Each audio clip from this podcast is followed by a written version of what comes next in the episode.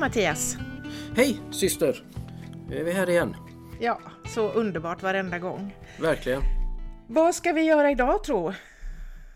Vi ska prata om 1984. Den klassiska romanen av George Orwell.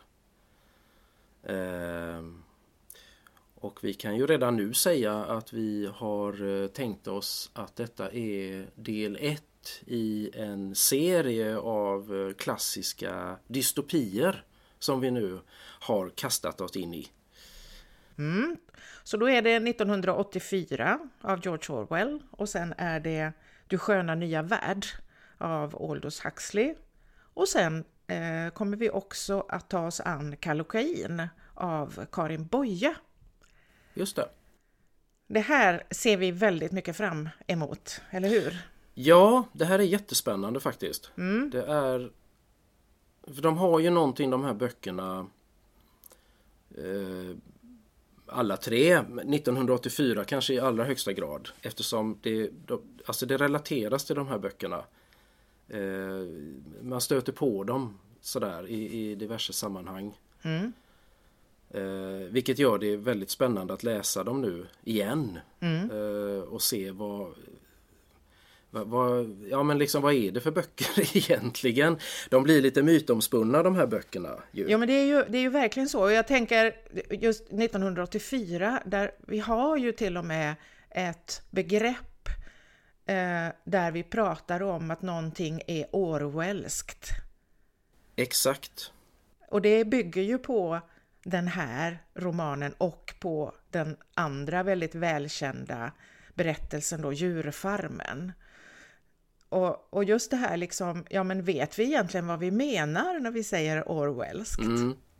Det är ju det. Jag, jag faktiskt, när jag, jag har tänkt nu när jag läst den här 1984 här att, att det är lite som samma då som vi pratade om, om att någonting är Kafkaartat. Att Orwell och Kafka det är ju två stycken som det, det, har, är två begrepp liksom som du säger. Och, och frågan är då Ja, vet vi vad vi menar? Eller vad säger? För de, det, det är en sak som, ja vi kommer ju in på det, men lite grann tycker jag att jag upplever liksom att det, det stämmer ju inte riktigt när man väl läser nu 1984 ordentligt här. Så är det ju en del som är Ja men det får sitt eget liv på något sätt. Begreppen innefattar någonting som kanske faktiskt inte riktigt står i böckerna. Vilket är lite intressant Ja. faktiskt.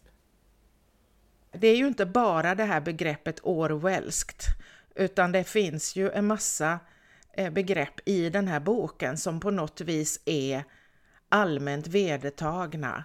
Mm.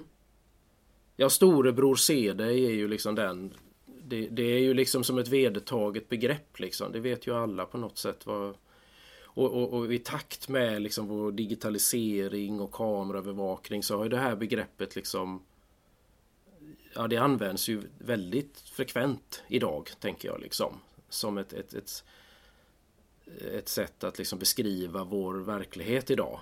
Exakt.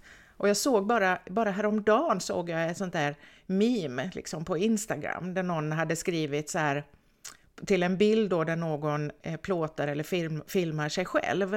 Eh, och som då hade skrivit att ja, alltså George Orwell, George Orwell hade fel på en punkt. Eh, och det är ju att vi inte behöver övervakas av staten, för det sköter vi så bra själva. Ja, Och det är ju en sån där grej liksom som Alltså att det här är så levande hela tiden. Den världen han, han eh, liksom tecknade, den är så oerhört levande i så mångas medvetande. Och det är ju oerhört spännande. För det säger ju någonting om att han var ju någonting väldigt avgörande, centralt liksom på, på spåret i sin bok. va. Men hur gjorde du då när du nu tog dig an den här romanen? Liksom? Vad, hur... Ja, jag tror att jag började läsa ganska förutsättningslöst på något sätt. I och med, just för att den är så mytomspunnen. Så tänkte jag att jag får, jag får, bara liksom börja läsa den här boken och låtsas som att jag inte vet någonting. Eller ja, det går ju inte. Men jag försökte väl ändå på något sätt. Mm. Men det där fick jag överge ganska snart för att väldigt snabbt in i boken så insåg jag precis det här då att det finns en myt kring boken. Det finns en en föreställning om den här världen som han beskriver i 1984. Mm. Som är då så vedertagen. Och ganska snart i boken så inser man att men den världen han beskriver den är ju inte uppbyggd på det viset så som vi gärna tror. Så som liksom myten om den här boken säger. Nej. Så att ganska snart så hamnar jag ju i det här det blev liksom någonting som följde med mig genom hela boken. Vad säger myten om det här samhället som han beskrev? Mm.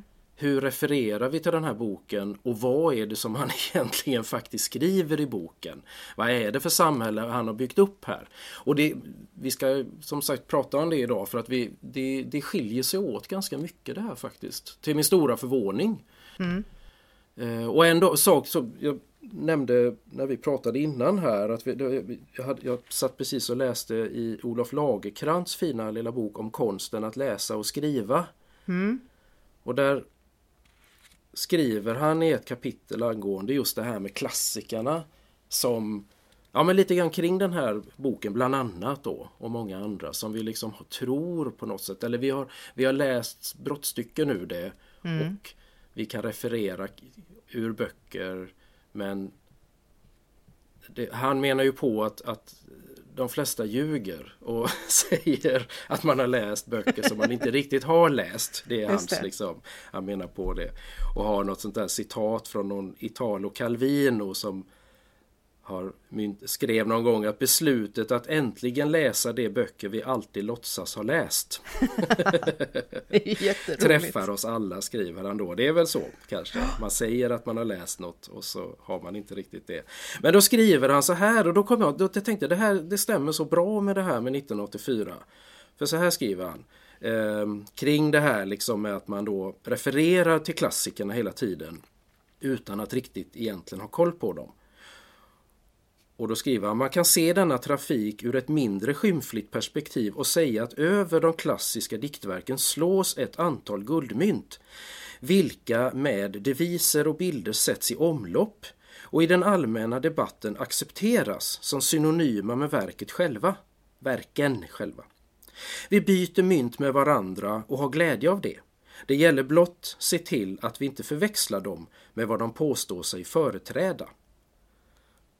Jag tyckte det var väldigt talande kring detta. Eh, kring, kring just boken 1984. Just det. Och, det, och, och då kan man ju, tänker jag då när jag hör det här så tänker jag liksom att ja, det är ju de här, du vet, dels de här äh, slagorden som all, jag tror alla känner till. Mm.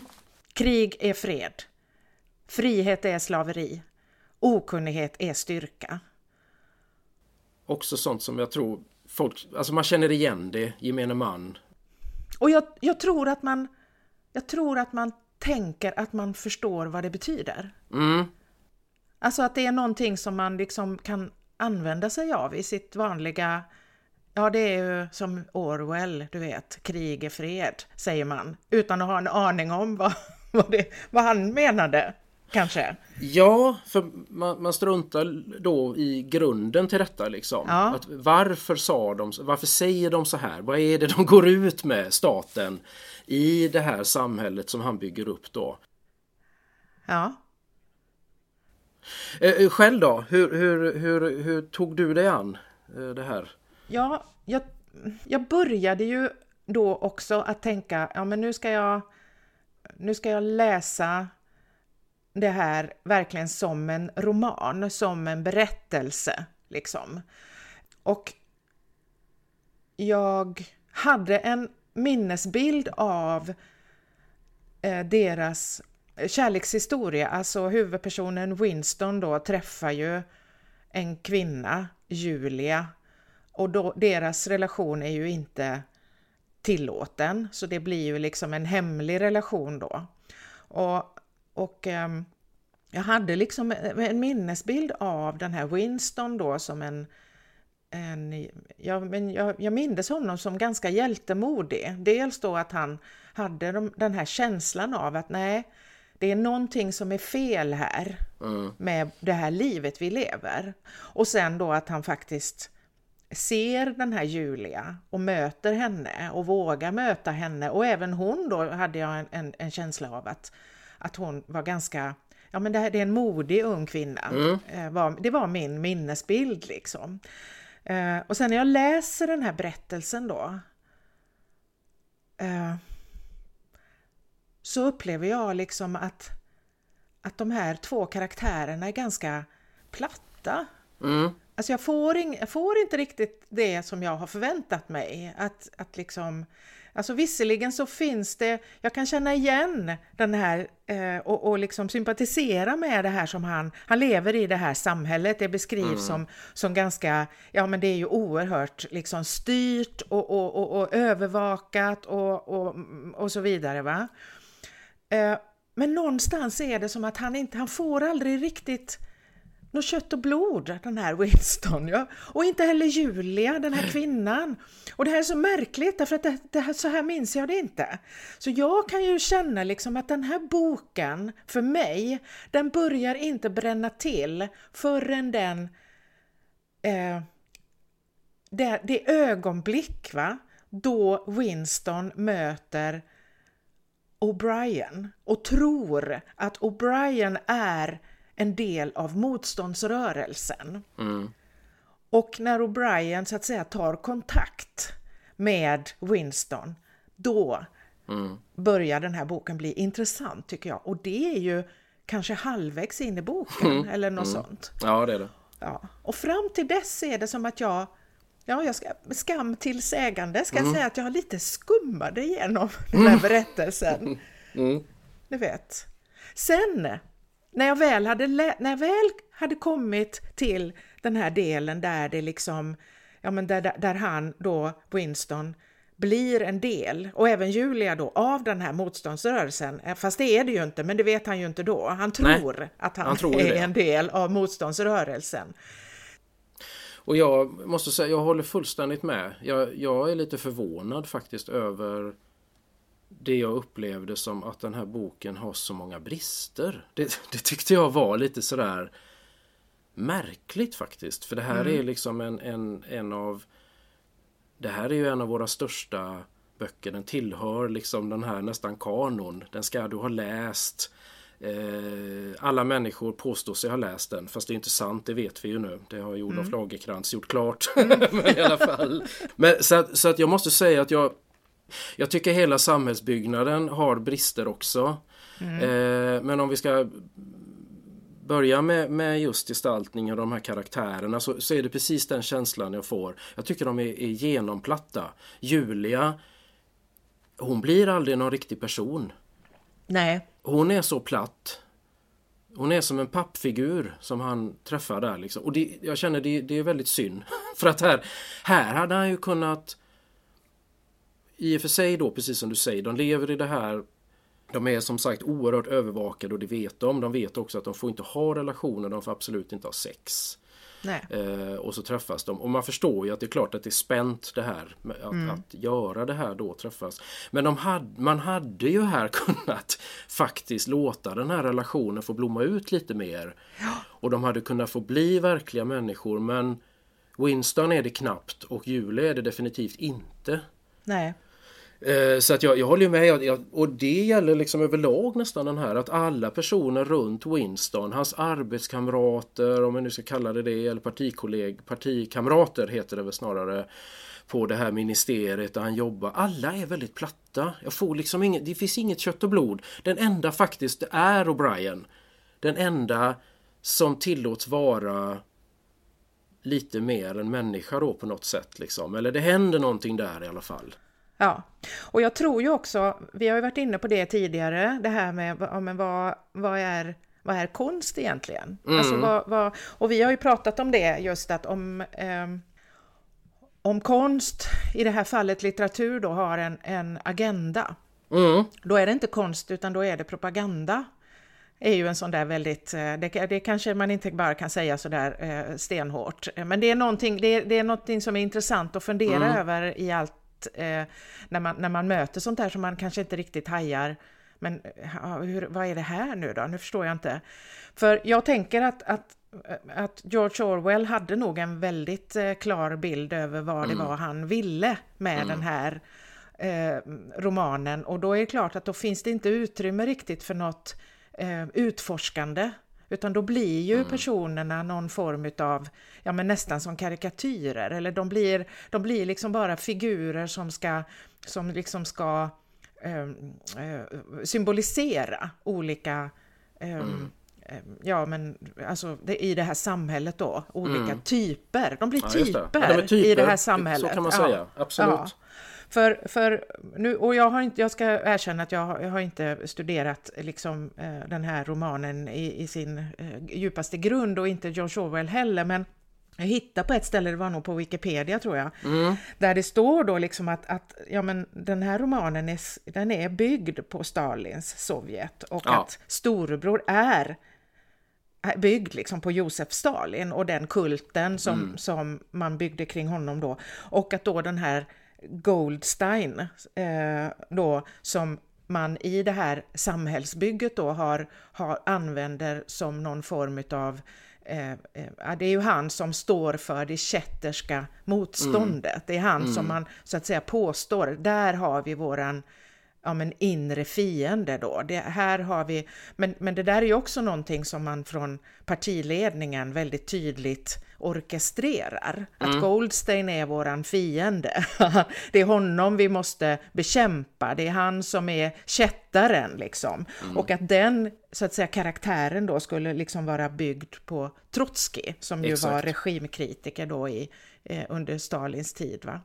Och, och jag menar, vet man det, då förstår man någonstans liksom att, att, att det här är ett bygge som eh, han har en väldigt tydlig agenda med ja. den här boken och ännu mer förstår man det om man vet att, att han 1946 då gav ut någon form av essä som hette eh, Politics and the English Language mm. och där han skriver om hur politiken och politiker vänder på språket för att få lögner att låta sanna, mord respektabla och ge stadga åt tomma ord. Mm. Så tänk, han hade ju liksom, det här är ju ingen utforskande roman, utan det här är en roman Nej. där han talar om hur han ser på världen och vad som är fel mm. i den. Så. Definitivt.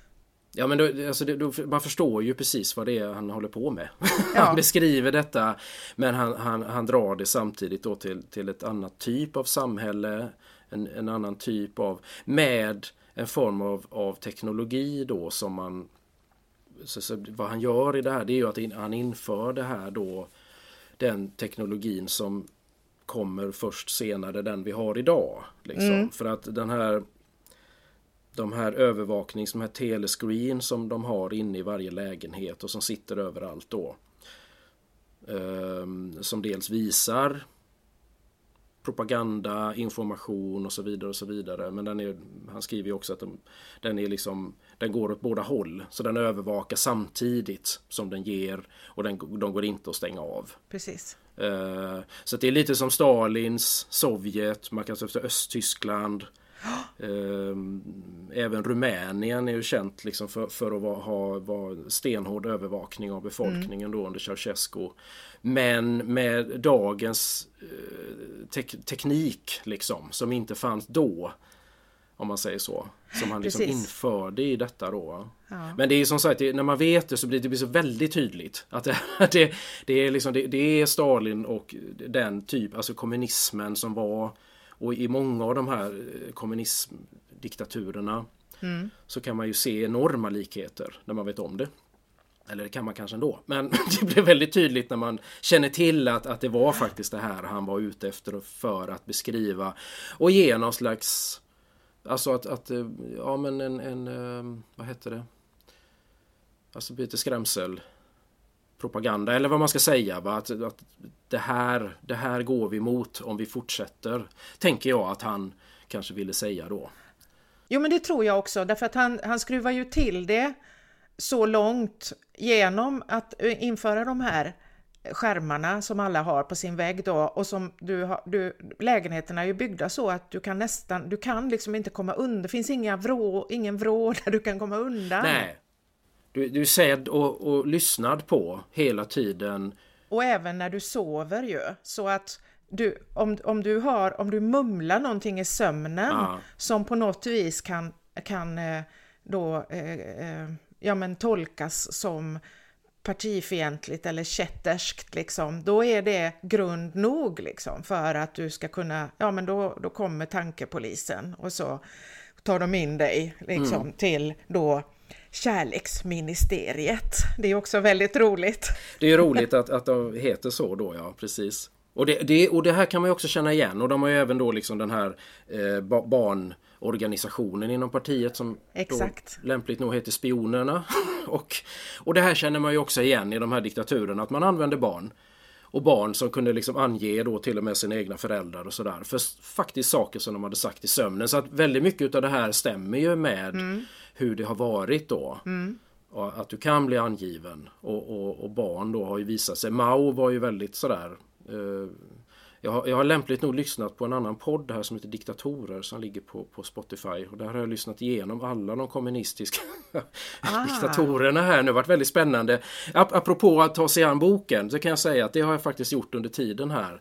När jag liksom fick den där, ah, det är ju det det handlar om. Och, så då passade jag på att välja ut liksom alla de kommunistiska diktaturerna eh, som hon tar upp där då. Ja. Och, eh, det har varit spännande faktiskt. Och, då, och, och, att, att liksom se de här likheterna då. Och Mao var ju precis, framförallt var det väl under kulturrevolutionen när han verkligen fick elda på barn och unga.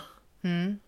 Eh, och där, där unga elever mördade sina egna lärare. Och då tänkte jag just på det här att det, det här är ju liksom Eh, och det beskriver han också väldigt bra ändå får man ju säga, George Orwell, hur, alltså hur Alltså det här fanatismen som du kan väcka hos ett barn. Mm.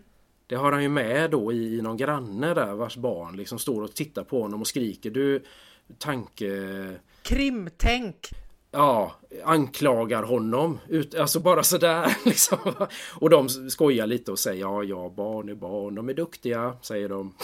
Ja, precis. så, men är så roliga och duktiga så. Och så, samtidigt så finns det där hotet att imorgon kan de gå till tankepolisen och ange mig då va. Precis. Men, men eh, så att det, han har ju använt sig av en hel del av det som, som vi vet idag om, om de här dikta, diktaturerna. Det finns liksom, han bygger ju ett samhälle där det inte finns några utvägar. Och, och, om man ska säga någonting om den själva den här berättelsen, ramberättelsen då om Winston, va? så är det ju det att allt eftersom man läser och tiden går och man kommer mot slutet så inser man ju liksom att Winston har aldrig haft en chans. Nej. Någonsin. Därför att allting han hittar, det visar ju sig sen vara, vara planterat på olika sätt va? för honom. Mm. Allt ingår i en plan. Ja, så att när, när han har den här, den här, de här tankarna att det måste finnas någonting annat så är ju redan de här ryktena så att säga om de här avfällingarna, alltså Goldstein och hans, de är ju några stycken som liksom lyfts upp som, som, som fiender, partiets inre fiender, eh, kritiker. Så. Mm. Och, och, och, jag menar de här, under den här, alltså det är ju så roligt, de, de har ju då, de har ju så här hatstunder. Ja. Ja, då får alla som alla som då eh, arbetar på olika vis i, i, i de här, på de här eh, ministerierna då, då får mm. de liksom gå iväg till någon stor, som en, ja men det är som en sån här eh, det är liksom som en, en, vad säger man, en sån där karg biosalong. Alltså det är liksom en jättestor duk men det är bara mm. så betong och stolar. Och så får de sitta där och så blir de liksom, så blir de matade med den här, så här säger Goldstein, så här, och, det här och, så, och, så, och så ska de bara hata, de ska hata honom. Det är liksom, och där är de ju också övervakade, så att de, de måste ju visa hur mycket de hatar. Ja. Och det här känner man ju också igen från de här diktaturerna, att liksom du måste ställa dig upp och jubla när ledaren visar sig. För annars så kommer någon och hämtar dig. Och på samma sätt så måste du stå upp och, och, och, skrika ut ditt hat mot fienden. För annars så kommer någon annan att hämta dig. för att du, du, måste, ja, du måste visa. Och det här är ju också väldigt tydligt att här måste de stå. Och ju, ju mer du skriker desto mer hatisk du är. Mm. Dess bättre är det. Precis. Och, och, och Julia då när de träffas och pratar så beskriver ju hon hur hon trots att hon är ganska du vet så här, hon är ju med där och hänger ju på liksom Winston, men samtidigt så beskriver ju hon då hur hon tycker att hur skönt det här är med de här hatstunderna, de här vad är det, fyra minuter eller något där de liksom och hur hon gillar det. Jag tycker att det är så härligt när hon får göra det, du vet. Och, ja, och de har så här hatveckor, då är det ännu mer intensivt. De ska bara hata, hata och då handlar det ju om att hata den yttre fienden, det vill säga den, den andra världsdel som de just nu är i krig med. Precis. Och sen är det att hata då den inre fienden och det är ju Goldstein då som så att säga får, får symbolisera det då. Precis. Och, och, alltså, och, och, och sen så får han de här idéerna då som han på något vis, Winston då, tror liksom är hans egna. Att tänk om det finns en motståndsrörelse, mm. tänk, om, tänk om Goldstein har byggt upp liksom en motståndsrörelse och, och, och efterhand så förstår man ju att ja det är ju det här, det är ju precis det partiet vill att folk ska tänka för att det är ju då, det är ju då man, man, man lyckas att hitta de här som, mm. som, som, som, som går omkring med egna tankar, mm. krimtänkare liksom. Mm. Så, så alltihop är ju noga förberett. Så, och, och, jag menar allt det här att han hittar, han hittar en liten butik där det jobbar en liten farbror som då har grejer som inte finns någon annanstans, små dagböcker och små, du vet så här och där han till slut då, Winston, får hyra ett litet rum där det inte finns någon skärm. Nej, just det. Ja, och, och jag menar den här eh, Sharrington heter ju han då, den här lilla farbrorn. Ja, det visar ju sig att han är ju en del av tankepolisen. Han är ju inte alls ja. en liten farbror som har någon liten butik. liksom. Så att allting är ju redan, det är ju, allting är ju för inställt, eller vad man ska säga. Ja. Så. Man förstår ju sen att det, är ju, det här är ju liksom O'Brien ligger ju bakom på något sätt alltihop här. Och till, ihop då med tankepolisen såklart. Men liksom att det här är ju som du säger, det, det är välregisserat. Till och med liksom de här blickarna då, man tänker som han ger då Winston tidigt. Som gör att Winston tror att han, var det inte något med den blicken? Precis. Sa inte den någonting om att vi är i samförstånd? Så till och med där förstår man liksom att han, han tar liksom ögonkontakt med Winston redan där för att etablera någonting då. Och sen, sen är allting bara ett väldigt, väldigt välplanerat spel liksom. För att få Winston att, eh, er, eller liksom att uttala sig då. Eh, säga allt, alla sina tankar då i förtroende till O'Brien. Ju. Ja men precis. En sak då med det här, jag kan ju säga det, för det, det, var väl en av de, det är väl en av de sakerna som har både för, förvånat mig och en sak jag har, jag har väl lite brottats med det här, tror jag under tiden här. Det är ju just detta att ganska tidigt i boken så förstår man ju att det här, alltså det här samhället då är ju uppbyggt av inre partiet, yttre partiet och något som kallas då för proleter. Men det är ju då naturligtvis en omskrivning av det kommunistiska proletärer då, mark, det marxistiska då. Ett begrepp som är äldre än så. Men han populariserar ju det här begreppet proletärer då liksom. Så proleter. Mm. Men vad som liksom, och, och, och, vad som har gjort att jag liksom tänker det här med myten kring 1984 det är ju det att det är ju bara partimedlemmar som är övervakade. Det vill säga, det, vi, vi pratar om 15% av befolkningen som rör sig mm. i den här världen som vi hela tiden relaterar till i den här romanen. Storebror ser dig, du är övervakad på skärmar, tankepolisen. För 85% av befolkningen här i det som då heter Oceanien, det är ju där vi befinner oss. Vilket förstår jag innefattar både brittiska öarna, delar av Europa och hela amerikanska kontinenten. Om jag förstår det hela rätt då liksom. Men vi är ju i London här då och 85% av befolkningen i Oceanien övervakas inte överhuvudtaget. Och det här har jag brottats jättemycket med. Dels har jag funderat på, liksom, skulle det här överhuvudtaget vara möjligt? För det första kan man ju, måste, blir ju första frågan varför? Va, va, liksom, vad, vad kommer det sig att och att, att, att, man har byggt upp det på det här viset liksom för att och det, det är väl här jag kan känna att det, det, på något sätt kanske det brister då den här tanken på detta för att i de här verkliga diktaturerna så är ju naturligtvis alla övervakade. Alla människor känner ju sig mm. övervakade. Um, men i det här samhället då så är det ju bara de här 15 procenten som är partimedlemmar och som då arbetar för partiet som är mm. så till den grad övervakade 24 timmar om dygnet. För att proleterna anses ju av partiet, de, de har liksom inget riktigt värde, man är inte intresserad av det. De är lite som någon slags boskap. Ut, utfyllnad i samhället. De, de utför jobb som partiet inte vill göra. Och man förser dem på något sätt med nöjen men de har heller inget liksom egentliga direktiv. De får dricka och de får ha sex och de får gifta sig. alltså de, de, är ju egentligen, de lever ju han skriver någonstans, eller Winston är det väl då som funderar, eller jag kommer inte ihåg, men någonstans att, att det har ju precis som i Sovjet då, det har ju varit en revolution där storebror och Goldstein och, och, och en antal gubbar då var, var liksom ledande i revolutionen då. Men så står det också att ganska snart efter revolutionen så återgick proleterna till att leva som innan revolutionen. Så de lever liksom på något sätt kvar. Och det här, det krockar så med, med bilden av romanen och den här världen som, som man hela tiden relaterar till att de flesta lever inte alls i det här samhället med storebror se dig och, och allt det här utan det enda egentligen de här proleterna är utsatta för det är ju all den här kontrollen av information. Det som Winston då arbetar med, att, att de har ju dratt det här till sin spets, det här som också fanns i Sovjet, att man raderade ut folk ur historien och sådär.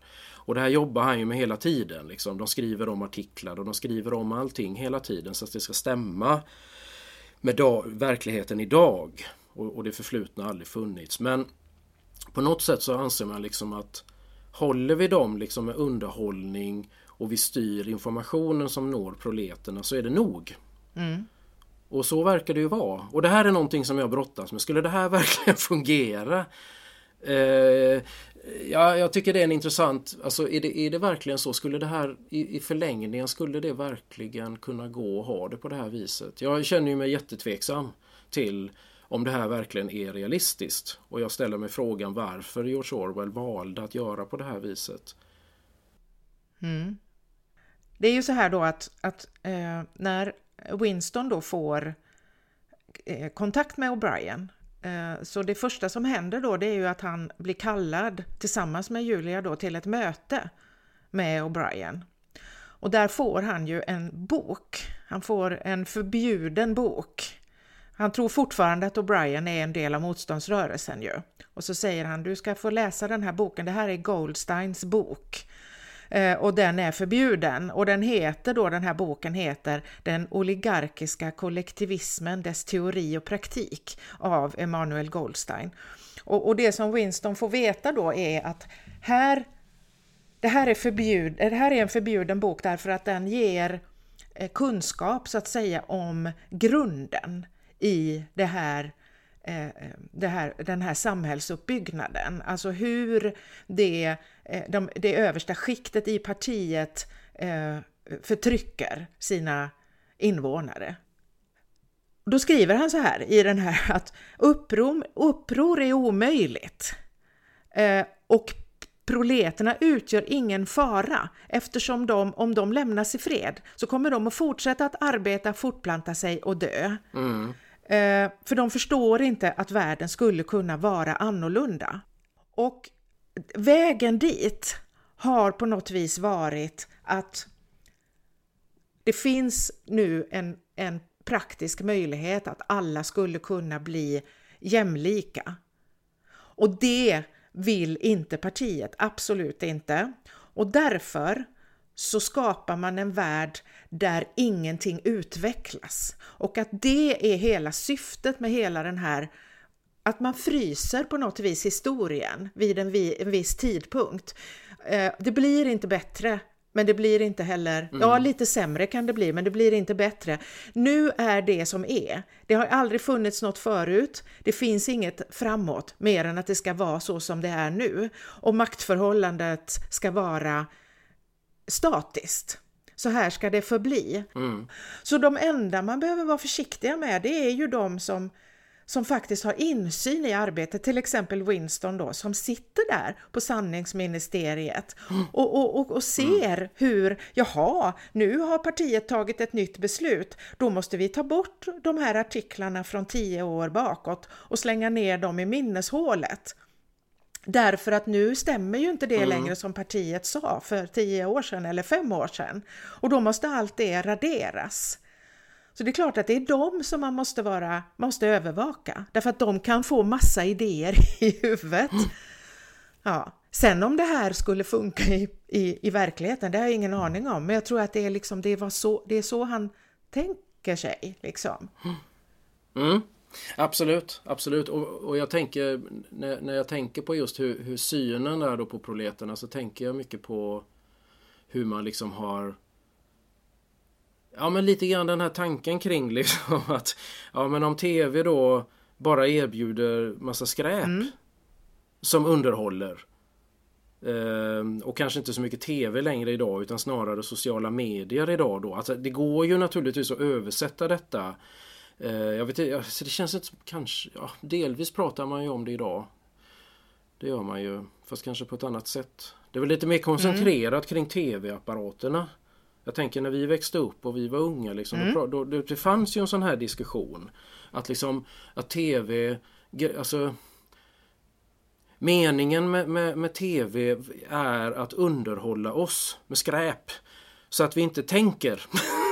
så, att vi inte, så att vi inte bryr oss om eh, konstiga bankaffärer och när politiker ljuger. Och, alltså de här tankarna har ju funnits väldigt mycket liksom i, genom åren så där kan jag tänka. Att, att, det, att att vi, vi, vi blir underhållna till döds. Eh, så, så, att man håller på något sätt medborgarna eh, på mattan och, och nöjda framförallt. Liksom. Och, det gör man ju här väldigt tydligt. Liksom. Man, man liksom höjer priset för choklad för att i nästa dag basunera ut att, eller det är ranson, ransonen är det väl, Eh, ranson, ransoneringsmängden. Att först så sänker man den men snabbt så höjer man den igen så att man kan basunera ut det. Och då blir folk så väldigt glada och det här blir liksom dagens snackis. Har du hört? Nu har de, de har höjt chokladransonen för oss. Ja. Och alla är jättelyckliga. Så att det är ju det, det är liksom en så här en, en väldigt sådär cynisk eh, bild av liksom eh, medborgare då liksom. Som, som, som absolut man kan känna mm, igen mm, mm. då för, för, på olika sätt liksom. Och där man, som man också kan känna igen kanske när man dyker på det här liksom föraktet då liksom ovanifrån. Att, att den här bilden ibland kanske lyser igenom liksom. Att folket bara är någon slags massa och håller man dem bara nöjda och glada så kan vi göra lite vad vi vill här. Mm. Liksom. Så absolut, det, jag tror ju att eh, vad jag reagerar på det är ju just liksom om vad jag inte riktigt förstår i systemet om jag ska vara sådär helt realistisk så är det ju det att det finns liksom ingenting riktigt som anger vem som blir partimedlem det är lite vagt. Det mm. kan gå via familjen, ofta gör det det. Ibland kan man lyfta upp folk från proleter om det saknas för mycket folk. Men det är lite sådär vagt hur man blir partimedlem. Eh, det verkar i alla fall inte vara någon direkt tvång. Liksom. Det är inte liksom så att du föds in i det och inte kan ta det ur det. Nej, Snarare är det ju tvärtom, att du, du eh, när du är 16 år så, så, så genomgår du någon form av examen och då kan du bli partimedlem. Ja, för att bevisa om du, om, om du är tillräckligt, liksom tänker rätt och sånt där förmodar jag då. ja. Men då tänker jag liksom, vad, alltså den, all den här övervakningen då. Alltså de lever ju ett liv om, man tittar, om, om jag tittar på det så skulle jag säga liksom att, att proleterna lever ju ett privilegierat liv. Jämfört med partimedlemmarna för de utsätter sig, de får äta någon grå äcklig gröt varje dag. De är övervakade, de lever i en blå overall. De har i stort sett inga andra kläder. Alltså allt är ju, det är ju bara fullständig misär. Nu när man tittar på filmen så kände jag att ja, det är så, sån här Roy Andersson film. Mm. Väldigt likt. Va? Allt är grått, alla är likbleka. Alla har fula overaller på sig. Allt är bara fult, fult, fult. Man, man förstår att det är kallt, smutsigt, dammigt, skitigt. Och då tänker jag, vad, vad, för de, de åtnjuter liksom inga privilegier alls. Vilket det inre partiet gör. De har ju privilegier. De får gott, de får dricka vin och de får god mat och kaffe och de kan till och med stänga av sina skrin, de här mm. telescreens Eh, de här ibland då när de känner att de ledsnar så får, har de privilegiet att stänga av dem säger O'Brien och sådär liksom. Och då tänker jag rent logiskt så borde ju fler av partimedlemmarna fly. Ja man tycker ju det. Ner till proleterna. För där kan det ju verkligen inte vara några problem att gömma sig för det finns ju ingen övervakning där överhuvudtaget. Så tar du bara på dig rätt kläder och, och, och, och, smyger in någonstans där liksom och inte gör något konstigt så kommer du kunna leva ett ganska hyfsat liv där nere liksom. Istället för att då leva det här livet som, som man förstår Winston, det, alltså det är ju det är ett fängelse liksom. Det är ett fruktansvärt liv liksom som, som beskrivs då. Så det, det, det var ju en av de grejerna som, som förvånade på, på något sätt och som där jag känner att det, här finns det kanske någon brist liksom. För hur jag har tänkt på det så kan jag inte riktigt förstå varför man skulle stanna kvar i systemet. Eftersom, om jag nu jämför med Sovjet och så, för att alla de människorna som man fick in i någon slags inre krets, man var hela tiden tvungen att, att ge de här människorna privilegier. Mm. För hur ska du annars få dem att stanna kvar? Och leva under de här premisserna och jobba under de här premisserna. Jo, men du, du, du måste få tillgång till rysk kaviar och du måste få tillgång till mm. champagne och lite mm. sådana här grejer och solsemestrar och du måste liksom få, men de får ingenting. Och det, det, är en sån där grej som, jag, som stör mig lite grann i den här romanen då. Att den, det, det, känns inte helt trovärdigt då. Precis, och frågan är då om, om det är så att för att uh, han skriver ganska mycket då om det här med, med, med skräck. Alltså att, man, uh, att det verktyget är ju, är ju skräck. Mm. Ja, att, att du är rädd hela tiden. Du är rädd för, för allt därför att du vet liksom att, mm. att det räcker med, mm. med ett, ett mummel i sömnen så kommer eh, tankepolisen. och att du kanske inte vet, du kanske inte vet eller våga tro på att du skulle komma undan, tänker jag. Alltså att det blir lite som ett Ja, men man tänker sig då mm. om man ska liksom, ja men Sovjet och, och Östtyskland och sådär, att, att, att hoppa av då är, är skulle vara för, för, förenat med sådana mm. risker så att du kanske inte, du kanske inte ens eh, kan, kan tänka att det skulle vara möjligt, att du skulle kunna komma undan liksom. Eh, det är ju det ena. Nej, det är ju en tanke och sen det, and, sen det andra tänker jag, eh, det som de, de eh, typerna då som, som, eh, som är Julia och även då den här grannen då som ju Winston väl också jobbar tillsammans med, gör han inte det? Ja, de är ju de är på samma ministerie där. Och de två är ju, alltså Julia till exempel, hon är ju, hon är ju inte själv, hon har ju inte själv några kritiska tankar. Hon, hon följer ju bara med Winston. Eh, om hon mm. är förälskad i honom, det kanske hon är, det vet jag inte, men framförallt tror jag bara att hon, att hon är lite så här Nej, men hon följer det som verkar trevligast och hon är lite äventyrs... Ja, men hon är lite ja. äventyrligt lagd. Hon är liksom inte så rädd av sig så att hon kan, ja, nej, men jag kan eh, hänga på. Jag tycker det är mm. jättekul att hata, men jag, jag hänger på dig också. Läs för mig så ska jag lyssna, du vet. Sådär va. Mm, och att hon mm. liksom är så, det. hade inte Winston kommit och börjat prata med henne så hade hon aldrig själv tänkt liksom. Därför att hon har inte riktigt, ja, ja, jag kan väl gå på det där, det är väl inga mm, problem eller mm. sådär liksom. Och, och, och, hon verkar ha också sex lite som drivkraft, för man förstår ju att hon har haft tidigare sådana här hemliga möten med män liksom. Mm. För det är hon som är drivande i detta, hon vet ju liksom var de ska kunna träffas och så innan den här lägenheten. Ja, Eh, men att hon inte är, egentligen är särskilt intresserad av någon motståndsrörelse eller inte heller att liksom, så att säga hoppa Nej. av då.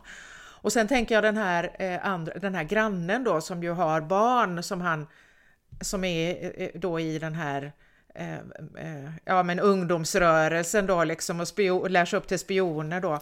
Alltså han är ju inte heller Alltså han, skulle, han, han sitter ju också inne med all den här kunskapen från sanningsministeriet men han har ju inte några sådana tankar han, han, alls utan, utan han är ju helt på det klara med att, vad hans uppgift är och, och vad han ska göra och, och så vidare och, och så va.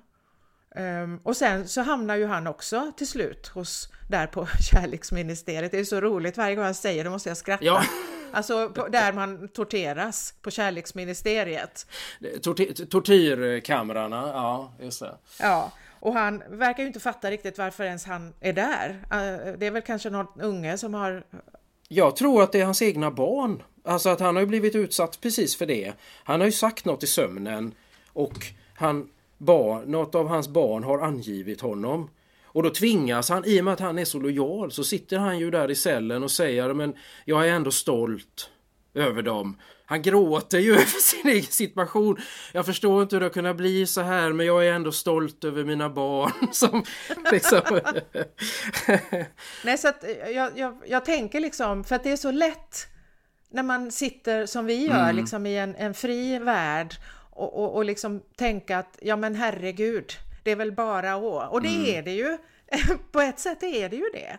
Men så samtidigt liksom så tänker jag att man, man tänker bort då den här, den här liksom drivkraften människan har att liksom eh, Ja men du vet att inte alla är inte så äventyrliga mm. av sig och man tänker bara det är nog bäst att jag gör vad Absolut. de säger för att eh, annars vet man inte hur det blir. så. Men, men, sen har jag också tänkt på en sak då med, med de här, ja men båda de här inre och yttre, alltså de här som är partiet då, de, den här lilla, lilla, ja men sammanlagt 15 procent är det ju då av befolkningen va.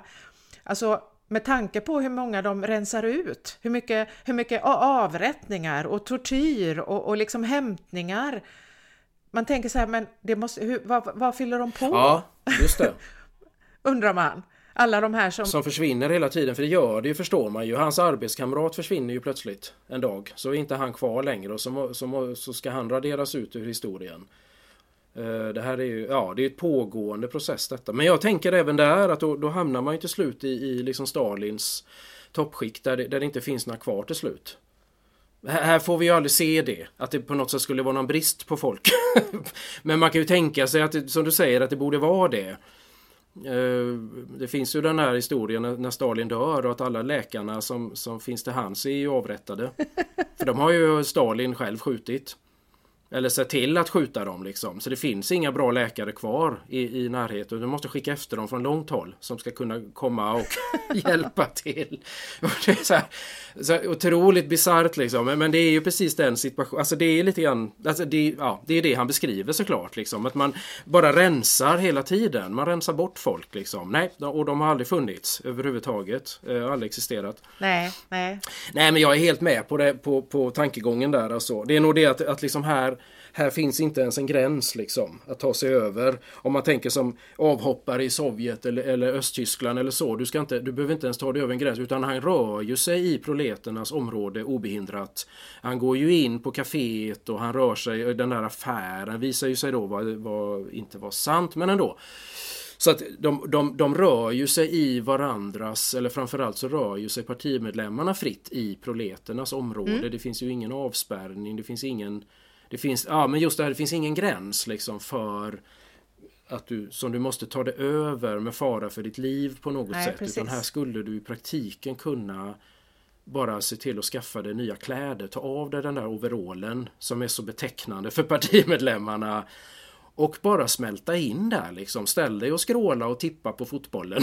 så, så är ju frågan om vilken tankepolis skulle ens ägnat dig någon uppmärksamhet då? För det gör de ju inte liksom. Så att det, det, det, det är som du säger, jag tror ju att, att liksom grundtanken där är just den mentala skräcken liksom och ku, att, att du är kuvad liksom. Vilket är klart rimligt. Men det är någonting här så tycker jag som jag inte kommer bort från liksom, som brister där jag känner att här hade han kunnat han borde skärpt till det här lite grann tycker jag faktiskt. Han, sku, han, skulle ha, han skulle ha gjort någonting här som gjorde det lite mer rimligt att folk faktiskt stannar kvar där. Eller alternativt att de faktiskt åtnjut någon form av privilegier, att de inte levde ett sämre liv än vad proleterna gör. Nej. Nej, för jag menar det gör de ju uppenbarligen och jag menar det, det vidrigaste tycker jag nästan som han beskriver gång på gång den här oljiga ginen. Ja, ginen! Åh, vad äcklig! Den, den, är, den är nästan värre än maten. Ja.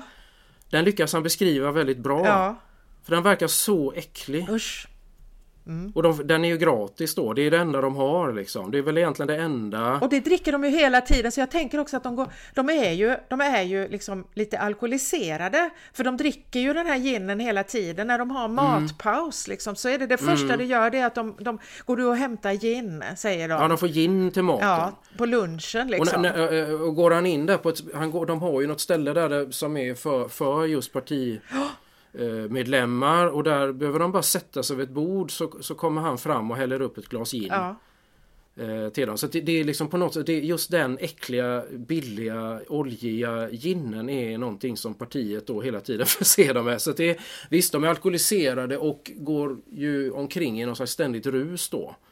Tänker man ju. Lite, lite halvlulliga Ja. sådär liksom dagarna i ända. Liksom. Jag tänker också att, att Orwell ger en liten hint om det här som du säger. Eh, när han, när, när, när Winston är i det här rummet som han då lånar i den här, på övervåningen av den här lilla butiken. Va? Så, så, så ser varje dag när han är där, varje gång han är där så ser han ju en kvinna ur proleterna som går där och, och hänger tvätt och sjunger en sån där löjlig slagdänga, en sån där... eh, som, som, ja.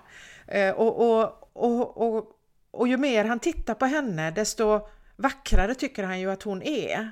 Och så har han något resonemang där, eh, där han liksom tänker då att, att han, det, de, alltså att proleterna har förblivit mänskliga Ja, just det. och vi är inte mänskliga. Och, och det där återkommer också tror jag, om jag minns rätt, i den här boken då som han läser då, va? Att, att i, i partiets eh, hur, hur, hur partiets sätt att tänka va, så spelar det inte någon roll vad man känner eller inte känner. Och det här då som fanns innan då generation, eller revolutionen, alltså tillbaka då när människor då styrdes av privata lojaliteter, va? relationer och du vet det här att det var viktigt liksom. Att det har ett värde, det har i, i partiets ögon har sånt inget värde. Nej, Och då tänker Winston liksom att proleterna de har på något vis stannat kvar i det tillståndet. De är inte lojala mot sitt land eller partiet. De är fortfarande lojala mot varandra och han ser ju det, ja just det. han tänker ju verkligen det liksom att där, det är här, här, är- här finns världen. Alltså Orwell låter ju honom tänka det, att det här är den riktiga världen. En riktig värld, ja, Ja. precis. Och jag vet att han pratar sen med, för att det är ju sen O'Brien som torterar honom när han hamnar då i kärleksministeriet. Och då säger han ju det här till O'Brien och då blir ju, då får han ju, det är ju då han får den, den hemskaste, värsta jäkla ström genom kroppen eh, behandling. När han liksom påstår då att, att det, det här finns det riktigt, riktiga livet. Ja. Liksom. Ja, han har ju hela genomgående en tanke om att ska det bli en förändring Ja. så, kommer det, så måste det ske hos proleterna. Ja. Det är ju hans... Och det är klart att det är ju, det är ju en tanke som, alltså en sann revolutionär. Ja, Alltså det är ju det är ju grundtanken. Proletärerna ska resa sig upp. Det är ju det han uttrycker liksom. Va? precis. Eh, Men, men han själv har liksom till skillnad då från revolutionärer som tänker att partiet ska stå i, i, gå i, i, i spetsen för detta. ja, eh, som, som gamla Sovjet och allt det här. Så har ju han då tappat tron på detta och sett vad partiet gjorde Mm. efter revolutionen. Så nu, nu ställer han helt sitt hopp till proleterna. Nu måste ja, det är där det ska ske.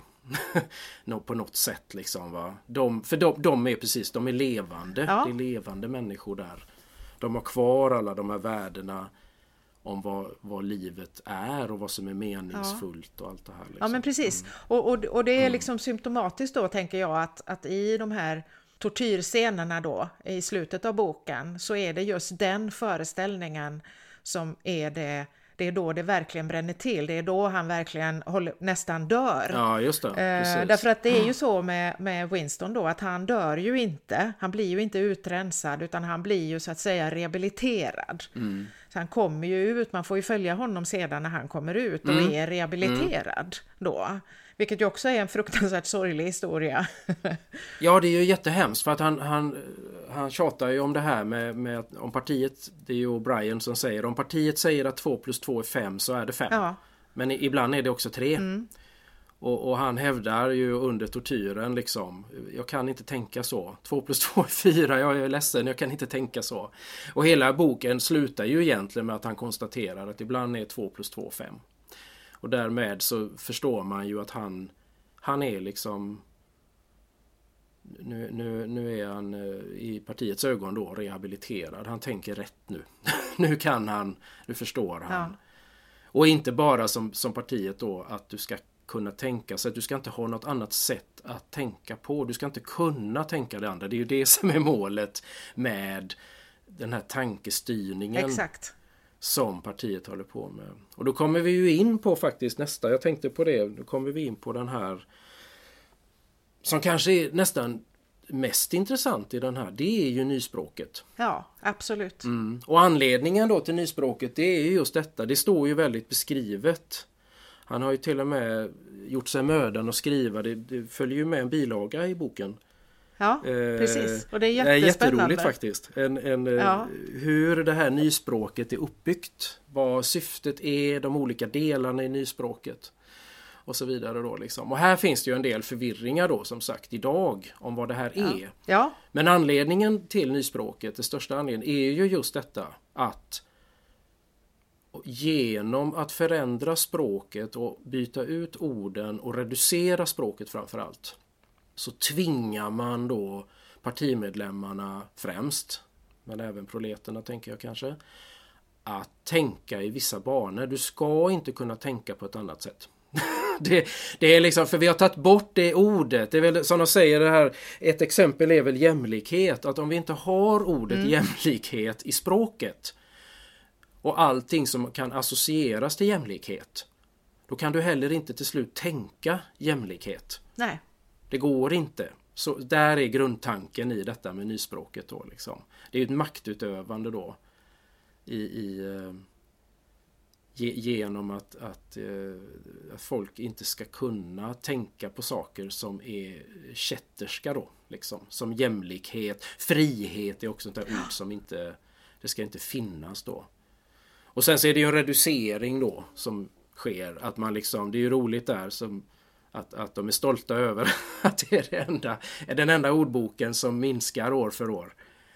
De, de, gör, de kommer med nyutgåva varje år och, och, den blir tunnare och tunnare den här boken. Liksom, för att de byter ut alla ord som, som eh, bra, bättre, bäst och, och, utmärkt och så reduceras till bra, plus bra och plus plus bra. Och så behövs det inget mer än så. det är fantastiskt.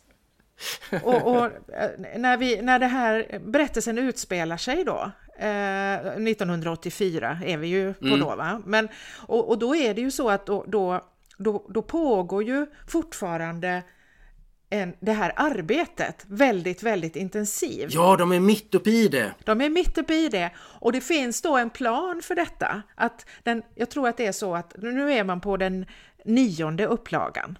Och den elfte mm. upplagan, det, det, det, är den, det, det, kommer att vara den kompletta. Liksom.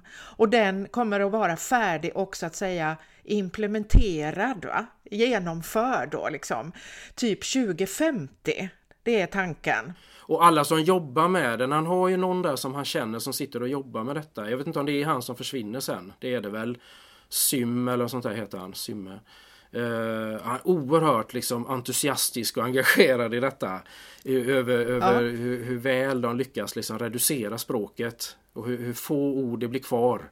Och det är ju så roligt då, va? därför att, eh, och det här säger ju någonting om att, att detta med språket var centralt för Orwell och det förstår man ju nu med det här som jag nämnde i början att han faktiskt har skrivit om det här då bara två år tidigare här, Politics and the English Language. Ja, just det. det är eh, intressant. Och att det är väldigt viktigt mm. för honom då, för att när han han har ju haft den här blicken med O'Brien, va? Winston. Han har liksom utvecklat, har, har tänkt att hmm, undrar om, det, undrar om han är en del av motståndsrörelsen då, det här bro, broderskapet tror jag det kallas för eller något. Ja. Och sen möts de ju liksom i en korridor och då tar ju O'Brien kontakt mm. med Winston.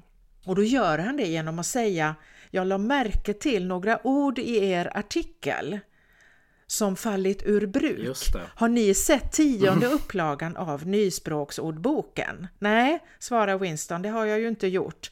För att på, på Minisan, alltså san, sanningsministeriet, använder vi fortfarande den nionde upplagan. Och det är då i, den, i det här, eh, i det här eh vad heter det, eh, sammanhanget, precis i det här mötet när de möts i korridoren. Det är då O'Brien säger hmm, jag skulle kunna ge dig den tionde upplagan. Just det. Men jag undrar om det inte är bättre att du kommer och hämtar den hos mig. Mm. Och så gör de upp om det här mötet då, liksom. Eh, där dit då som Winston och Julia får komma och där de då sen får den här förbjudna boken. Ja, för det är ju den han, han, får då. Men jag tycker ju att det här är så spännande att, att, att Orwell har gjort så här. Att, att, han, att han använder så att säga det här, det här nyspråkskapandet får bli så centralt. Mm, mm. Det får liksom bli det här som bara det är det här som är det viktigaste ja. liksom i, i partiets arbete, för det, tro, det tror jag att det är. Det, jag tror också det. Och jag tänker att, att liksom, det, är lite, det är lite så faktiskt att när, när jag läste den här boken, ju mer man kom in i den desto mer kände man hur det här storebror, övervakningen, allting bleknade. Ja. Och så, så, så handlar det väldigt mycket om precis detta språket. Omdaningen av språket. Ja. För man förstår precis som du säger att det här är kanske egentligen, det, det är centralt i och det har de ju då precis som de säger, det finns en plan, det finns ett mål här. 2050 eller när, vad det nu är då är vi färdiga. då, då har mm. vi reducerat språket så till den grad att ingen kan tänka förbjudna tankar längre. Och därmed är ju liksom allt löst. Då behövs ju ingen tankepolis längre. Det är ju det som är målet. Nej. För det är ingen ens som kan tänka en felaktig tanke längre. Nej, för det finns inga ord. Vi har, vi har, vi har tagit bort det. Alla går omkring och tänker plusgod, minusgod, plus bra, plus plus gott. Och, och, och ja, det, det, alltså tanken där är, så fascinerande. Ja, ja. Och, och, jag tänker att är det någonting den här boken som där jag känner liksom som är, som är där man pratar om eh, jag har sett nu att det diskuteras ju ganska, den är lite i ropet har jag förstått här nu. Vilket jag inte riktigt visste när vi tog upp den här boken. Men jag har fått från olika håll nu att den ligger lite i tiden tydligen. Och jag tänker att är det någonting så är det ju just detta med nyspråket eh, mm. som är relevant eh, i allra högsta grad idag. Alltså. Mycket mer än, än övervakningen för som sagt den sköter vi ju själva genom våra mobiler och så idag. Det är ingen som behöver övervaka oss för att vi, vi gör det så himla bra. Vi delar ju glatt med oss av våra åsikter och liv och, och, och värderingar dagligen. Liksom. Men nyspråket är verkligen intressant. Eh, och då kanske det inte i första hand handlar om här då att, att begränsa antalet ord och så, det håller vi Nej, kanske inte på inte. med. Men det här att man, att man liksom ändrar om för att, för att liksom, man ändrar för att man, ja jag vet inte varför ändrar man, för att det ska bli lättare, för att man ska, vi pratar ju om det här jättemycket, vad ändrar, varför ändrar mm. man på varför ändrar man ord liksom? Ja, det är för att kanske för att vissa ord är mm. belastade, för att vissa ord är inte eh, de för tankarna till sånt man inte vill att de ska föra tankarna. De har en historia, orden har en historia. Mm. Och så hittar man på nya ord som inte har en historia. Därför att de kan man fylla då med vad man vill. Kanske. Absolut. För det, det och det, det, det, vet jag när jag varit ute nu liksom och, och kollat sådär lite på Youtube. Det finns ganska mycket där ute eh, som påstår just att nu, nu är vi där. Nu är vi liksom i, i Orwells samhälle och då en del av de jag tittat på, då, då, är det precis där jag känner, men här, nej, nu, nu har vi liksom, nu, det här är missuppfattning. Ja.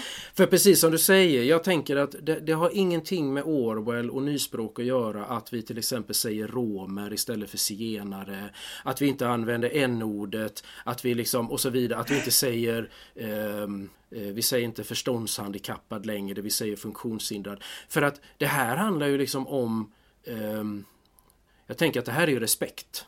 Det här är ju, ja. eh, det finns ju en debatt här, i, i, ehm, här på västkusten nu då till exempel att, att Frölunda då får inte heta Indiens längre och man måste byta logga. Mm. Eh, men det har ju ingenting med det här att göra för det här är ju liksom respekt för en grupp människor en folkgrupp som har blivit extremt utsatta genom historien mm. av eh, kolonialism och så vidare och så vidare och rasism och, och, och, diskriminering liksom. Så det är ju en upprättelse, det är respekt. Så att jag tänker att mm. där, där är ju viktigt då liksom att man liksom inte blandar ihop de här två sakerna för det sker ju liksom idag väldigt mycket och det sker på något sätt parallellt då. Men det är liksom en bit för sig som jag känner att det har ingenting med detta att göra. För det, där kan jag bara egentligen se att det här, är, det här är ju någonstans, även om man kan tycka att det krånglar till det i språket såklart. Och man kan bli rädd för att säga fel saker och så, för så, kan, så är det ju mm. naturligtvis. Det är alltid så när man ändrar i orden. Men det, det bygger ändå på någonstans, det, det bygger på respekt helt enkelt för, för andra ja. människor. Och en upprättelse då. Va?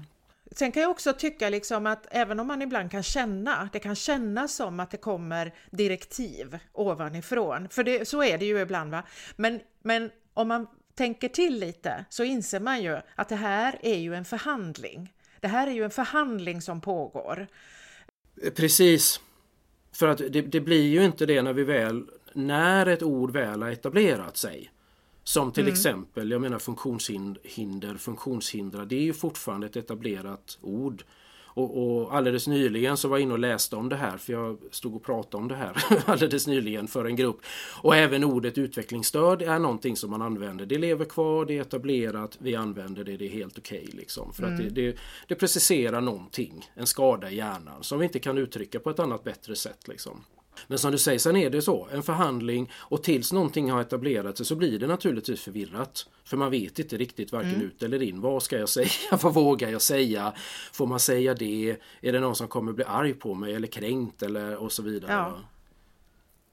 Men däremot så finns det ju då som säger parallellt med detta som jag och du har pratat jättemycket om genom åren eftersom vi båda har befunnit sig i, i den här världen av kommun, stadshus, mm. administration och så vidare. va? Mm. Och där tycker jag det är otäckt. Där tycker jag faktiskt på riktigt att där är vi så nära det som Orwell beskriver. Mm. För här pratar vi ett nyspråk som faktiskt bara bygger på att förvirra, mörka, gömma och inte riktigt tala klartext. Utan det är liksom gjort för att gidra bort oss som lyssnar. Mm. För att vi ska inte riktigt men vi ska, vi ska liksom, och det, det handlar ju om precis det här han skriver, det är någon form av tankestyrning här i detta då. Mm. Jag tänker just på det här som vi pratat jättemycket om jag och du liksom. Jag då som jobbar inom kommunen i så, så många år och liksom från att kommunen började liksom spela på liksom på något sätt samma planhalva som marknaden och eh, andra privata aktörer. Så har man ju liksom sett det här växa. Ja. Och hur liksom ord som effektiviseringar, fast vi vet att det betyder neddragningar. Ja. Flexibilitet, vi vet att det betyder utnyttjande av anställda. Mm. Kostnadseffektiv, jag har, har tagit några exempel här som du hör. som jag kommer ihåg. Kostnadseffektiv, det är ju mer jobb till mindre lön. Och en spännande utmaning, det, det brukar betyda ett väldigt stort problem. Gigantiskt problem. Och det här är ju så här, det här sägs hela tiden då på APT, på möten, i möten med, med chefer, ledning, Eh, och det finns ju bara ett syfte med detta och det är ju att vi ska liksom inte riktigt tänka på vad det är som faktiskt sägs. Nej. Utan vi ska prata om att, att vi ska bli mer kostnadseffektiva nu i den här verksamheten. För, för att det, ja. det, det, måste vi vara. Och då ska vi inte tänka på att vi ska göra mer jobb till, till samma lön. Att, att vi blir utnyttjade i detta utan för kostnadseffektiva, det låter ju jättebra. Det är ju ett positivt ord eh, såklart. Ja. Och, och, och grejen är ju också att när du inte om du inte får säga det här är ett problem, då kan du ju heller aldrig ringa in problemet. Nej. Och du kan inte prata om det och förhandla kring det och resonera om det. Nej, för det, är, vi, det finns ju inget problem. Vi har inte sagt att det är ett problem. vi har ju sagt det här är, vi har, däremot har vi en väldigt spännande utmaning framför oss. Och det, jag, jag, kan ju känna så här, ja, det är ju inget fel att ha båda delarna. Att säga, vi har ett jättestort problem. Det är en utmaning mm. hur vi ska lösa det här. Det är en stor utmaning för oss. Eh, men om man inte kan se, om man inte kan få och, och, nämna problemet vid sitt mm. rätta namn och liksom titta på det, så kommer man heller aldrig att kunna lösa det. Det är, det är ju min absoluta eh, eh, eh övertygelse att det är så. Och, och, och, där, och, jag, och hur, jag, hur mycket jag än tänker på det här så, så, så, så, får jag inte riktigt ihop varför man gör, jag fattar, jag fattar ju fortfarande inte varför man gör så här. Nej. Annat än att, att man då kanske, ja men då behöver man inte lösa några problem. Nej. Det, det har ju precis, jag har ju tyvärr inte läst den, men det har kommit en bok. En man som har skrivit om just Eh, nu, nutida floskler framförallt då inom just den här offentliga sektorn. Mm. Och han menar ju på liksom att alla de här begreppen som man använder idag inom offentlig sektor, alla dessa kommer ju från, väldigt mycket vad jag förstod, från, från ehm, alltså en IT-bransch och sådär. Och han menar på att Anledningen till att man pratar på det här viset inom till exempel IT-branschen eller jag tänker även inom börsen, aktier, köp och mm. sälj. Det är att det finns inte riktigt något fast. Ska du sälja in IT-produkter så måste du prata om det på ett sätt som låter trovärdigt och eh, säljbart. Mm. Men han menar ju med all rätt då att det här blir väldigt konstigt när man applicerar det här då på en högst konkret kommunal verksamhet. Att, mm. att använda de här vaga, märkliga, lite bortkollrande begreppen då. Mm. Men det är ju just det här att man då ger sig in i den här marknaden och jag tror också tyvärr, alltså, eller det, det är ju min liksom, tanke eftersom jag också har liksom, fått uppgifter om när personer har blivit till, inkallade på chefen till chefens kontor för att man uttryckligen har sagt att det har skett neddragningar i verksamheten öppet på ett möte. Mm. Och faktiskt fått sig en rejäl skrapa för att så säger vi inte. Det heter inte så. Nej. Du vet vad vi säger. och då, då känner jag att då är vi så himla nära Orwell plötsligt va?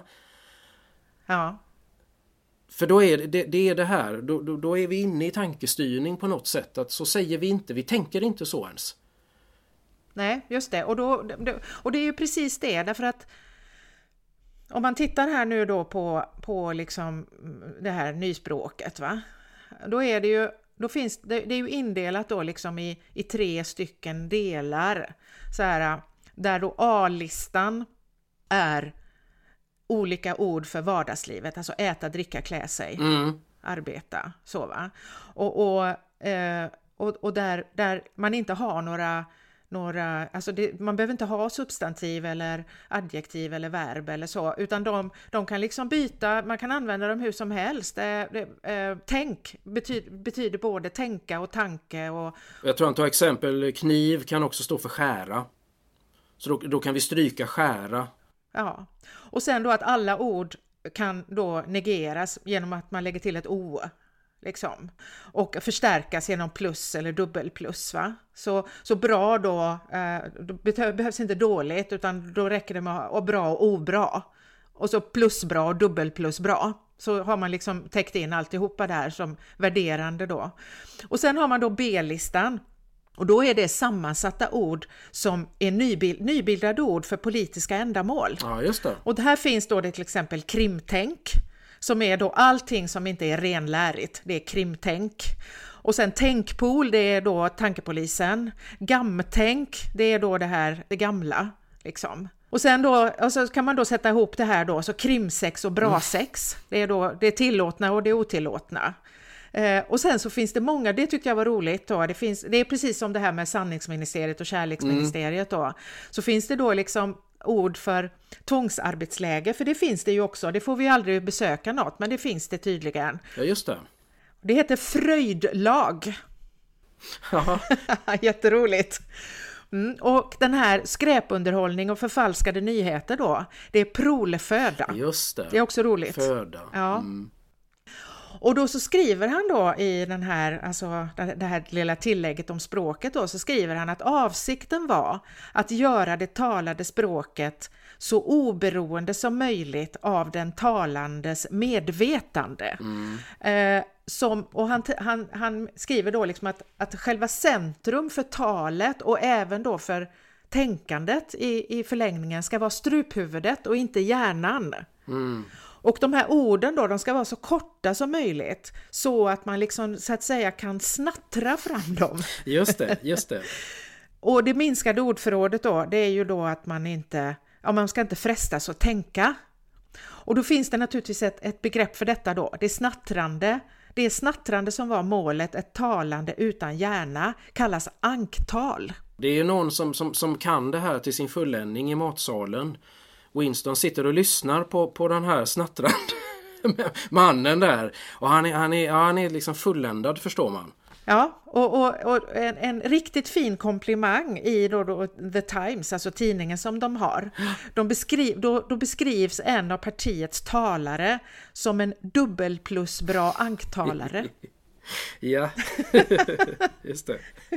Det är väldigt, väldigt roligt, Ja, tycker jag. Ja, men det är det. Men, men, men, men jag menar, jag, och, och, jag tycker ju att, att om, man ska, om man ska plocka fram någonting centralt i, ur den här boken så är det verkligen nyspråket. Det är det, där finns det verkligen någonting att faktiskt fundera på och liksom känn, du vet lite så här, mm, vänta nu lite, vad menar de?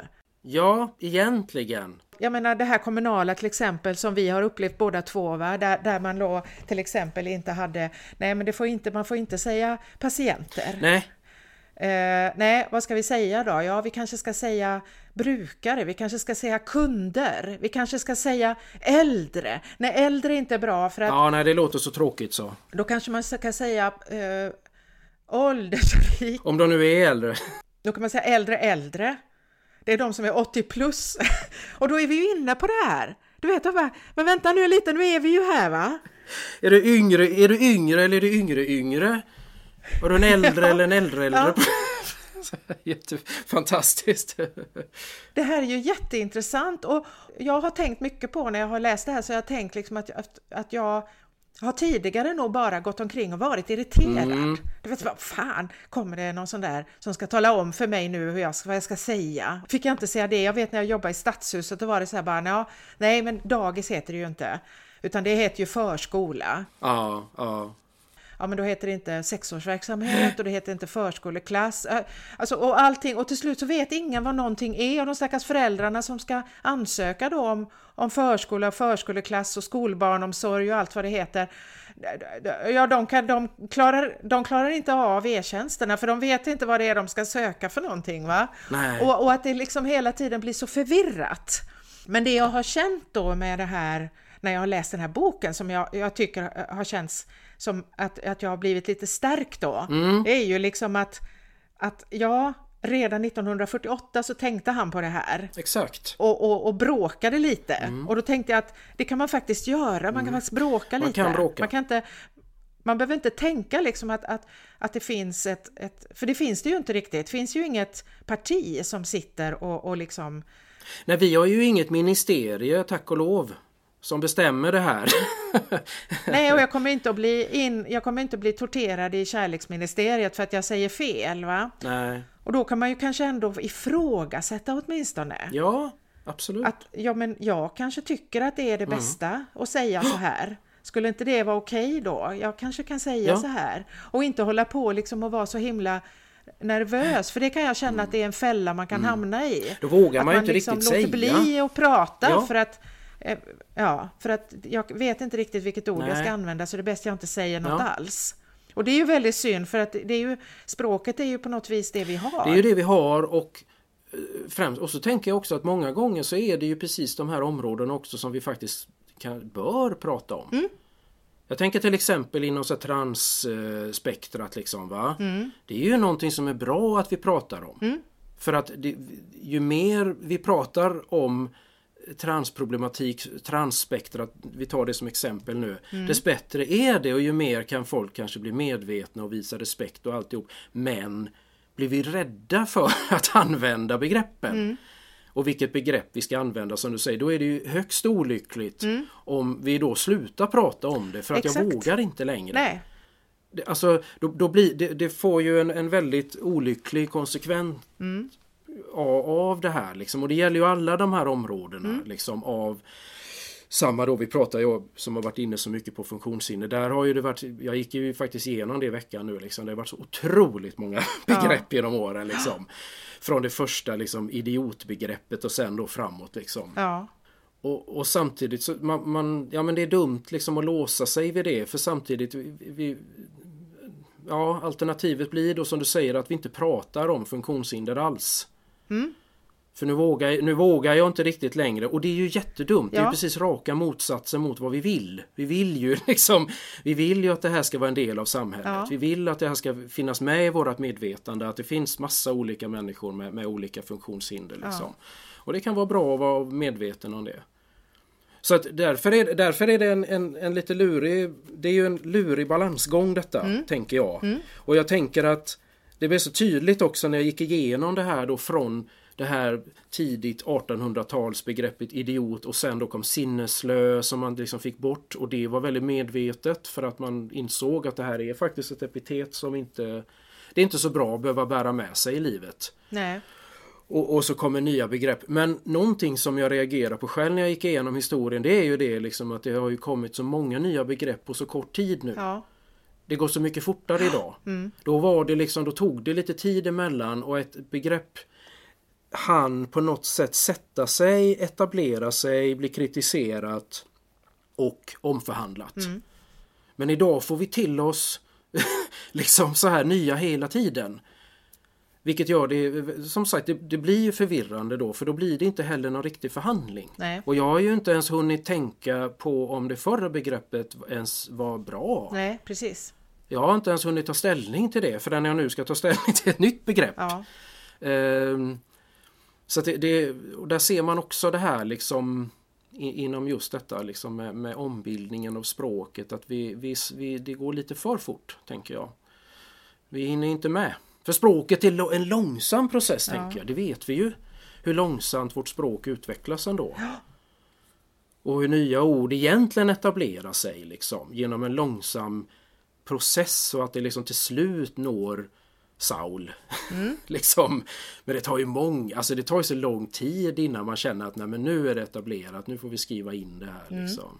Men antagligen är det ju så här tänker jag va att för att om, om, man, gör, om, man, om man gör så då, om, om vi säger att man, man liksom eh, lockas att så att säga bli så rädd att man får för sig att jag måste veta exakt vilket ord som är vedertaget och som är okej att använda. Och om man inte vet det så säger man ingenting alls. Ja, men då tänker jag att då har ju vi förverkligat det som är, som lite var Orwells mardröm, tänker jag, när han skrev den här boken. Därför att han har ju en, han skriver ju här i det här lilla tillägget då, va, att när nyspråket är, precis som vi sa innan då, helt implementerat, då går det inte att formulera åsikter som inte är renläriga. Va? Just det. Och det enda du då kan säga då är att storebror är obra. Men du kan inte underbygga den åsikten med ett resonemang. Därför att det, det har du inga ord för. Och då tänker man sig att ja, men då har det ju gått kanske två generationer och de- den gen- generationen de är så skolade i detta så de kan inte de gamla orden. De har ingen aning om att det ens har funnits några andra ord än de Nej. som finns i ordboken. Va? Och då kan man, det som händer då är liksom att, att om människor har de här åsikterna så kan de bara hysas i obestämd och ordlös form, skriver han. Va? Mm. Och då tänker jag liksom att om man applicerar det här på det här som vi befinner oss i nu, mm. så, så är det ju så att, att om, vi, om, om man blir så skraj för att säga fel mm. så att man inte mm. säger någonting, då kommer man ju bara att ha, det här inom sig. Och, och, mm. det betyder ju då, tänker jag, att man inte vet riktigt vad man tänker, därför att man formulerar det inte i ord. Det vårt sätt att förstå är ju att vi formulerar det. Mm. Så utmaningen här, tänker jag, är ju att inte vara så rädd för att vara icke-renlärig. Det är väl inte hela världen om man råkar säga någonting som någon kanske tycker att ah, fan det där ordet gillar inte jag riktigt. Oj då, får man säga då, ursäkta. Därför att vi har ju ingen nyspråkspolis som kommer och torterar oss om vi säger fel. Nej. Det enda som kan hända är ju att någon säger det där var inte okej. Okay. Och det kanske man då får tåla, tänker jag. Mm. Man kanske, för det kommer man säkert att vara med om. Jag har hört det mm. i alla möjliga olika sammanhang där folk har blivit väldigt ansatta, liksom, för oh att de har då oh ja. använt fel. Men man kanske inte får vara fullt så, så vad ska jag säga, eh, skör, tunnhudad. Man kanske får tåla det. Och tänka att det, det, det är trots allt bara ord det här liksom va? Det, det, visst finns det ord som är extremt negativt värdeladdade men, men, men det är också skillnad på vi säger n-ordet och att säga dagis. Ja. Jag menar, alltså på något sätt värdemässigt är liksom. Varför att någonstans har vi idag hamnat också i en situation där, där de här det, det blir, det, det, får på något sätt konstigt sätt samma värde liksom. Va? Ja. Att liksom med n-ordet så kränker du liksom en hel en halv värld i stort sett. Ja, liksom. precis. Uh, men jag kränker inte jättemånga genom säga dagis. men reaktionen kan ibland bli lika stark. Liksom, va? Och då tänker man, då får man kanske ha det där att det, det, det kanske inte är hela världen då. då. Om den nu tycker att det här är så jobbigt att jag sa dagis och inte föris så får jag väl så kanske som du säger så får jag väl tåla det då, då kanske. Ja. För det är ju jätteviktigt detta va? Ja, för att jag tänker så om man, om man tänker på det nu liksom i, i i, i Orwells, eh, i hans, eh, alltså det här då med, med, med renlärighet då, så mm. tänker jag det kanske inte är det som är mitt, min viktigaste drivkraft i världen, att jag ska vara renlärig i språket. Nej, inte riktigt. Nej. Och då, då, då kanske jag får, får tänka om lite grann där känner jag. För ja. jag, jag kommer att tänka på lite för att jag vet, jag blev tillfrågad någon gång om att göra en sån där liten, du vet hur, eh, hur kan man eh, hur kan man bete sig så att säga om man har någon i sin närhet som har varit med om no en stor sorg? Mm. Och en av de grejerna då som jag, som jag skrev i det, det var att du får inte som anhörig eller vän vara lättkränkt när du har att göra med en, såra, eh, alltså en sörjande person. Just det.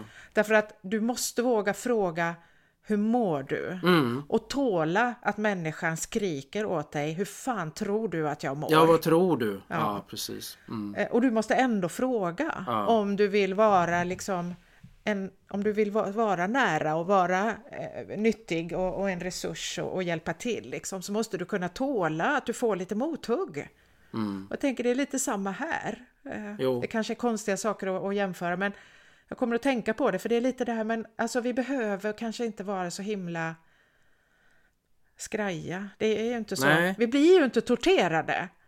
Nej men precis, vi får ingen straff för Nej. det. För att vi använder fel ord. Ja, socialt möjligtvis. Men som du säger, det, det är det också. Mm. Det är inte mer. Jag tänkte faktiskt, jag, jag hittade faktiskt lustigt nog, jag, jag är ju lite sådär, jag, ja, det spelar ingen roll, jag läser om allt möjligt. Mm.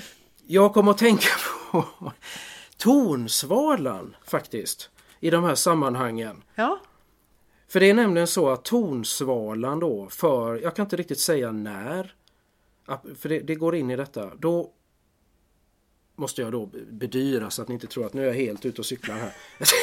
nu börjar han prata fåglar plötsligt. Här. Vad gör han nu? Jo, tonsvalan har hetat tonsvala eh, väldigt länge. Mm. Den har haft andra äldre namn också. Men tonsvala är ett etablerat namn på den för då ett antal år sedan, jag kan inte riktigt säga när detta då var, så bestämde man sig för att tonsvala ska inte heta tonsvala längre för det är ingen svala.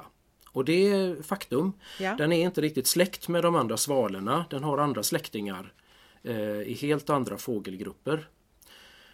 Och då bestämde man sig istället för att den ska heta tonseglare. Då. Så när du liksom tittar i fågelböcker och så idag så, så står det tonseglare. om Okej. Och det här blev faktiskt ett, ett, ett liksom, alltså folk var väldigt upprörda för detta. Ja. Eh, och det handlar precis om detta. Att för då, då är det Gunnar Brusewitz då som är en, en känd, han är både illustratör, författare och, och en känd eh, just ornitolog också. Och väldigt kunnig inom fåglar då. Alltså han, han skrev om detta då. Och menar på liksom att Just detta, de, alltså att han påpekar de här besvärliga språkliga följderna kring detta då. Ja. Om man nu skulle göra detta konsekvent. Och då pratar han bara om fågelvärlden.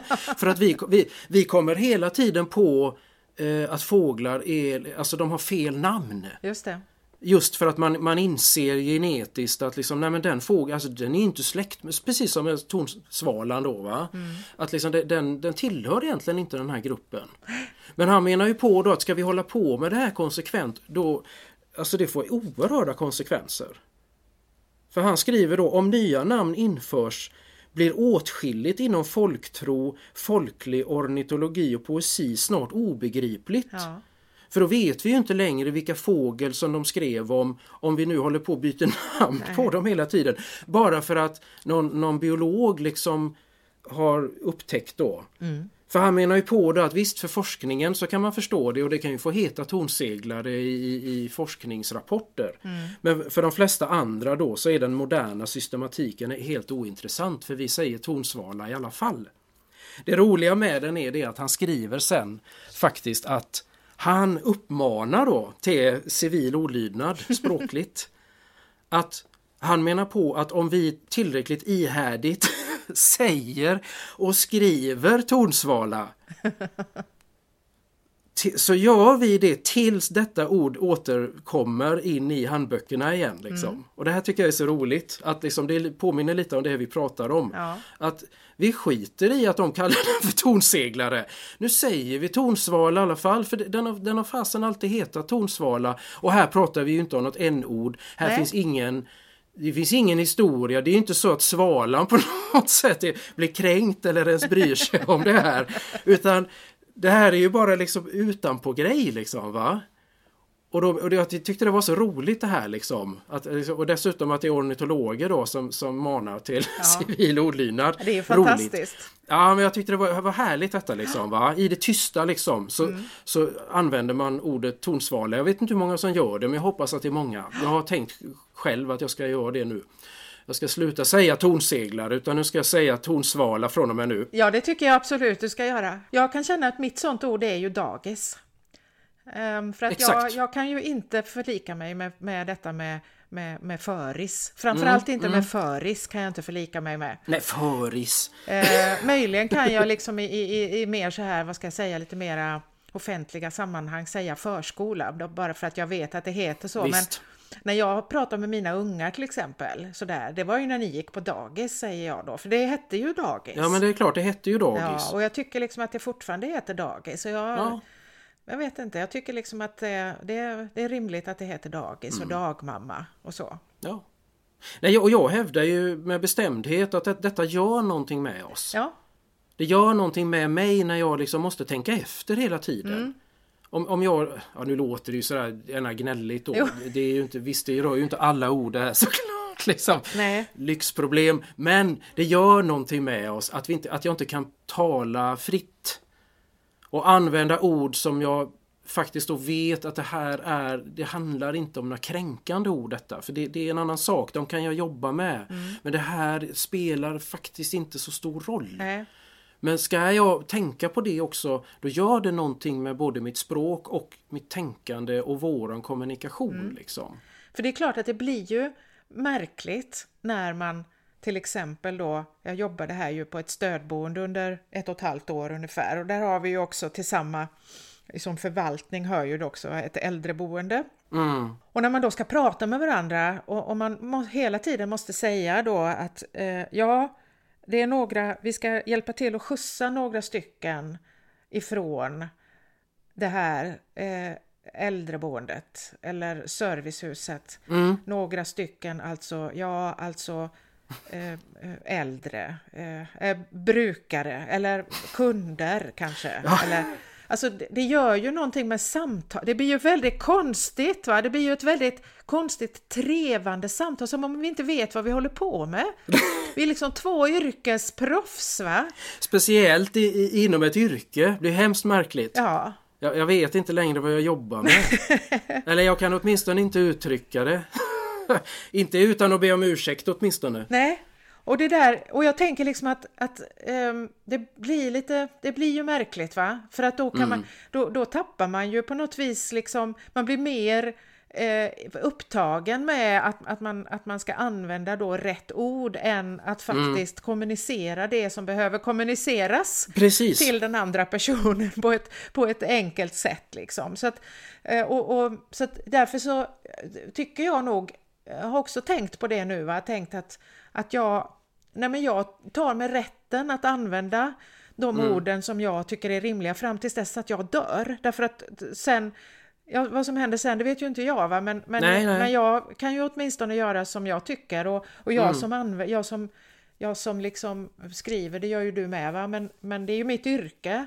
Mm. Uh, och, och, och jag har också jag har liksom satt i system också va, att men vill de att jag ska använda något specifika, då får de ändra, alltså mina uppdragsgivare då, då får de säga vi vill att du ska använda det här ordet, ja då gör jag det. Mm. Uh, men jag försöker liksom inte lista ut vad de tycker att jag ska använda, Nej. utan jag går utifrån vad som är rimligt och vad som är lättförståeligt och sådär. Mm. Och för att jag menar grejen är så här, man vill ju inte bli en dubbel plus bra anktalare. Nej, jag tänker det, att det vill man faktiskt inte Nej. bli. som staccato pratar fram liksom det som är eh, för dagen ja, vedertaget liksom.